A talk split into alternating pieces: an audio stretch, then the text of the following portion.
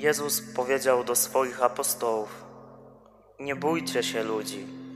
Nie ma bowiem nic skrytego, co by nie miało być wyjawione, ani nic tajemnego, o czym by się nie miano dowiedzieć. Co mówię wam w ciemności, powtarzajcie w świetle, a co słyszycie na ucho, powtarzajcie na dachach. Nie bójcie się tych, którzy zabijają ciało, lecz duszy zabić nie mogą. Bójcie się raczej tego, który duszę i ciało może zatracić w piekle. Czyż nie sprzedają dwóch wróbli za asa? A przecież bez woli Ojca Waszego żaden z nich nie spadnie na ziemię. U Was zaś policzone są nawet wszystkie włosy na głowie. Dlatego nie bójcie się, jesteście ważniejsi niż wiele wróbli. Do każdego więc, kto się przyzna do mnie przed ludźmi, przyznam się i ja przed moim Ojcem, który jest w niebie. Lecz kto się mnie zaprze przed ludźmi, tego zaprę się ja przed moim Ojcem, który jest w niebie. Oto słowo Pańskie.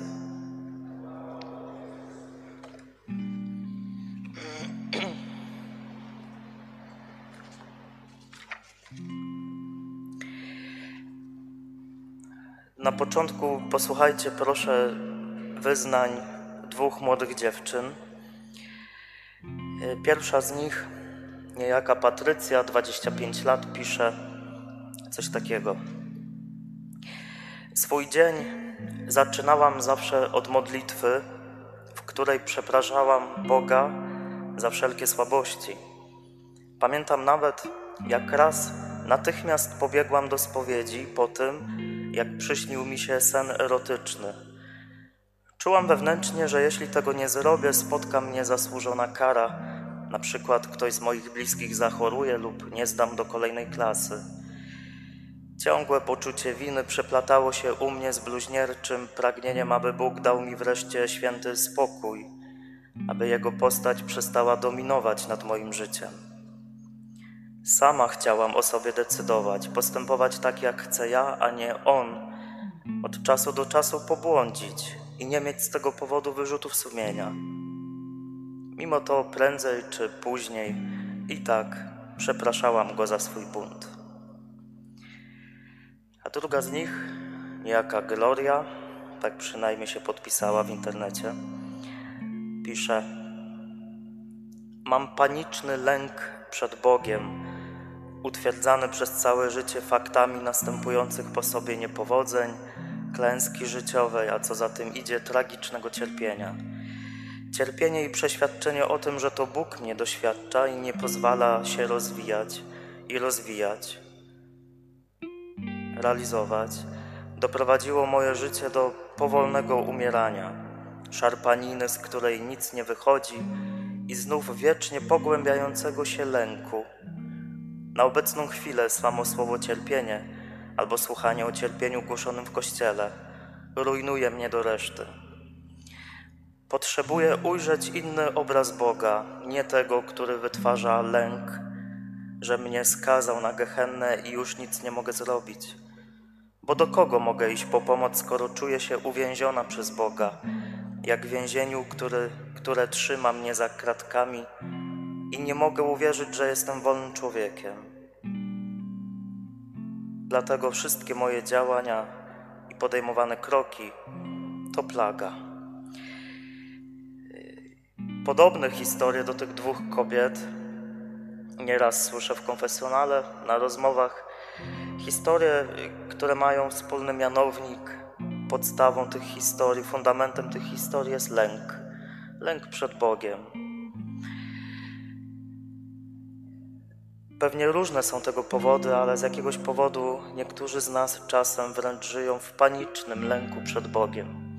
Nawet w psychologii pojawił się taki nowy termin, który mówi o nerwicy eklezjogennej, czyli takiej, która rodzi się w kościele, rodzi się w przestrzeni wiary, w niej się rozwija i niesamowicie potrafi człowieka umęczyć. Taka nerwica, która sprawia, że człowiek żyje w ciągłym lęku, w ciągłym stresie, że Bóg zrobi krzywdę, że ja nie wystarczam, że nie potrafię doskoczyć, że muszę coś robić, żeby tego Boga zadowolić, no po prostu koszmar i pewnie sam Kościół, księża, nasi rodzice, katecheci powinni mocno bić się w piersi za to, że ten obraz skądinąd chory, nieprawdziwy obraz Boga taki nam dali.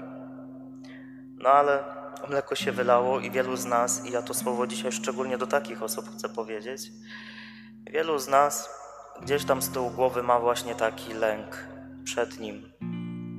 Przed Bogiem, który kocha, ale no strasznie się Go niektórzy boją. W tej Ewangelii dzisiaj sam Jezus mówi o tym, żeby się bać, potem żeby się nie bać.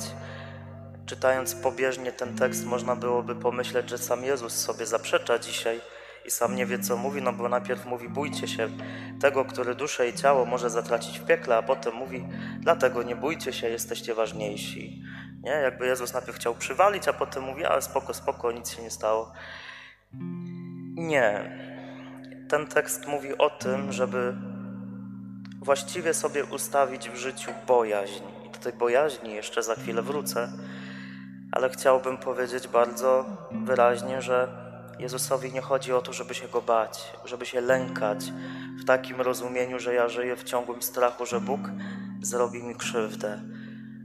Kochani, nie ma takiego Boga. Może jest w Twojej głowie, może ten chory obraz żyje, narodził się i żyje w Twojej głowie, ale takiego Boga nie ma. I dzisiaj jest dobra niedziela na to, żeby zdjąć w końcu, albo po raz pierwszy, albo, albo po raz kolejny, ten ciężar lęku z barków, który niektórzy z nas noszą przez całe życie. Czasem przychodzą, ja już o tym mówiłem kiedyś, nie wiem, jakieś starsze kobiety do spowiedzi i mówią, że popełniły aborcję 50 lat temu i ciągle żyją w lęku, że Bóg je zniszczy, skrzywdzi za to, co zrobiły. I klepią te różańce, chodzą na msze, wszystkie nabożeństwa odmawiają tylko po to, żeby ten Bóg nie zrobił mi krzywdy. To jest chore, to nie jest wiara, to jest nerwica, to jest zaburzenie. Pan Bóg jest Bogiem, dla którego my jesteśmy ważni. Jezus używa takiego prostego obrazu.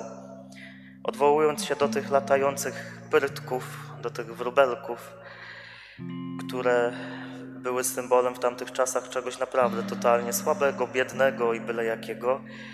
Mówi, że my jesteśmy od nich o wiele ważniejsi, skoro nawet Bóg te prytki ma w swojej opiece i czuwa nad nimi, to tym bardziej nad nami, że nawet Bóg policzył wszystkie nasze włosy, nawet jeśli jesteś łysy, to wszystkie policzył, które kiedyś były i gdzieś tam jeszcze się pojawią, że Bóg macie w opiece. Bóg jest Bogiem, który się troszczy, który przychodzi z miłością. Obraz drobnych ptaków, które mimo swej znikomości są otoczone troską Boga Ojca, ma upewnić uczniów o nieskończenie większej trosce i miłości, z jaką troszczy się On o życie uczniów i apostołów Jezusa. Trochę by to było dziwne i głupie, gdyby Jezus mówił: idźcie i mnie głoście, ale obok tego mówił: ale się nie bójcie. Święty Jan, skoro to jest Słowo Boże, no to mamy obiektywne odniesienie. Święty Jan w swoim liście pisze, że w miłości nie ma lęku. Doskonała miłość usuwa lęk, ponieważ lęk kojarzy się z karą. Ten zaś, kto się lęka, nie wydoskonalił się w miłości. Lęk nie może być podstawą wiary. Jeśli wiara jest budowana na lęku, to prowadzi do niesamowitych spaczeń, krzywdy, udręczenia, które potrafi za człowiekiem leść całe życie. I dzisiaj po pierwsze zapraszam nas wszystkich do tego, żebyśmy trochę ten lęk zrzucili, żeby na tej Eucharystii Jezusowi go dać i powiedzieć: Boże, ja się Ciebie boję i to się boję bardzo. Nie chcę się Ciebie bać. Uzdrów mnie z tego lęku. Jest jeszcze jedna rzecz. Jezus mówiąc o tym, żeby się nie bać ludzi, a bać się Boga, mówi o tym, żeby ustalić sobie w życiu, czyje zdanie jest ważniejsze. ludzi czy Jego? Czy ja z powodu lęku przed ludźmi, strachu przed ludźmi często nie podkładam się pod ludzkie opinie, tylko po to, żeby mieć święty spokój? Czy bojąc się tego, co ludzie o mnie powiedzą, robię to i tamto, byle mieć święty spokój? I na przestrzeni wiary my często dezerytujemy, dlatego, bo się boimy, co ludzie powiedzą, nie? Co zrobią? Nam tutaj jeszcze nie obcinają głów za to, że przyznajemy się do Jezusa, ale skądinąd czasem przyznanie się do Jezusa jest trudne. I parę dni temu moje studenty, mieliśmy spotkanko, opowiadali mi o tym, szczególnie ci, którzy pracują w medycynie i się uczą medycyny, że czasem przyznanie się do Jezusa, do tego, że się idzie na duszpasterstwo, kiedy robią to w szpitalu, w przychodni, na uczelni, to jeśli to zrobią, to spotykają się z hejtem, ze złością, z niezrozumieniem, z oceną. Taka fajna z ciebie kobieta, a na duszpasterstwo chodzisz.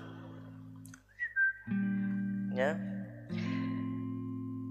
I nie ma co się bać, bo każdy się boi takiej reakcji odrzucenia. Jezus stawia dzisiaj mi pytanie, czy ja się bardziej przejmuję zdaniem innych, które notabene często jest totalnie wyssane z palca. My oceniamy bardzo pobieżnie i bardzo, bardzo głupio. Tak naprawdę często nie wiemy, co siedzi w człowieku, czy jednak ważniejsze jest dla mnie zdanie Boga, który najlepiej mnie zna. No i trzecia rzecz.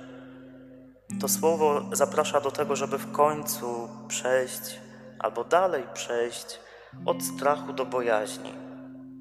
Jeszcze raz powiem, wiara nie może być budowana na strachu. Nie może.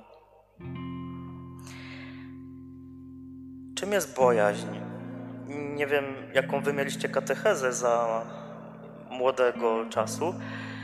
Ja pamiętam, że jak byłem dzieciakiem, to ksiądz wciskał w sumie kit że bojaźń Boża polega właśnie na tym, żeby się Boga bać. Nie? Że wtedy mam ten dar bojaźni Bożej, kiedy ja czuję się jak taka mrówka, którą Pan Bóg w każdej chwili może zgnieść. Więc ja muszę robić wszystko, żeby ten Pan Bóg mnie nie nadepnął. I to jest bojaźń. Głupota to nie jest bojaźń, to jest lęk. Bojaźń Boża tak naprawdę polega na zaufaniu, na miłości, na szacunku, na otwarciu serducha, na uznaniu tego, że ta osoba jest dla mnie ważna. I tam w tym tekście greckim, kiedy jest mowa o tym, żeby się bać, żeby się nie bać, jest takie słowo, które potem na język polski tłumaczy się e, jako bojaźń Boża. Czyli bojaźniujcie się przed Bogiem, ale nie bojaźniujcie się przed ludźmi. Czyli popatrzcie tak naprawdę, kto jest ważniejszy, jakie odniesienie jest ważniejsze. I gdy chodzi o Boga, to ta bojaźń Boża polega na czymś takim, że polega na miłości, że ta miłość Boga uwalnia człowieka od niewolniczego lęku, zastępując go bojaźnią Bożą. Bojaźń nie ma nic wspólnego z paraliżującym strachem, strachem niewolnika. Jest ona darem Ducha Świętego, zasadą i początkiem wszelkiej mądrości. Człowiek napełniony bojaźnią Bożą staje się człowiekiem wewnętrznie wolnym, nieustraszonym wobec trudności i prześladowań, gotowym do świadectwa wiary i nadziei, żyjącym według zasad niezrozumiałych dla niewierzących.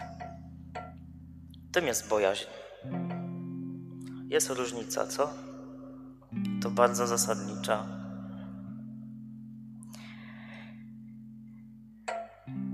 To co, spróbujmy dzisiaj trochę z tego lęku wyjść na tej Eucharystii, przynajmniej tam w sercu. Daj mu ten lęk, no powiedz mu, Boże, no chociaż się dzisiaj Ciebie boję, to proszę pomóż mi zrobić taki krok w Twoją stronę. W miłości nie ma lęku. Doskonała miłość usuwa lęk. I skoro na tej Eucharystii spotykamy się z doskonałą miłością, a tym jest Jezus, czymś, kimś takim, no to ten lęk może usunąć. I naprawdę jesteś ok. Naprawdę, jak Bóg na ciebie patrzy, to jesteś ok. Nawet jeśli się zmagasz, upadasz, grzeszysz, nie powiem co jeszcze, to jesteś ok. Walcz, wstawaj, żyj, trzymaj się Boga, walcz o to, co ważne. Naprawdę jesteś okej. Przestań się bać. Amen.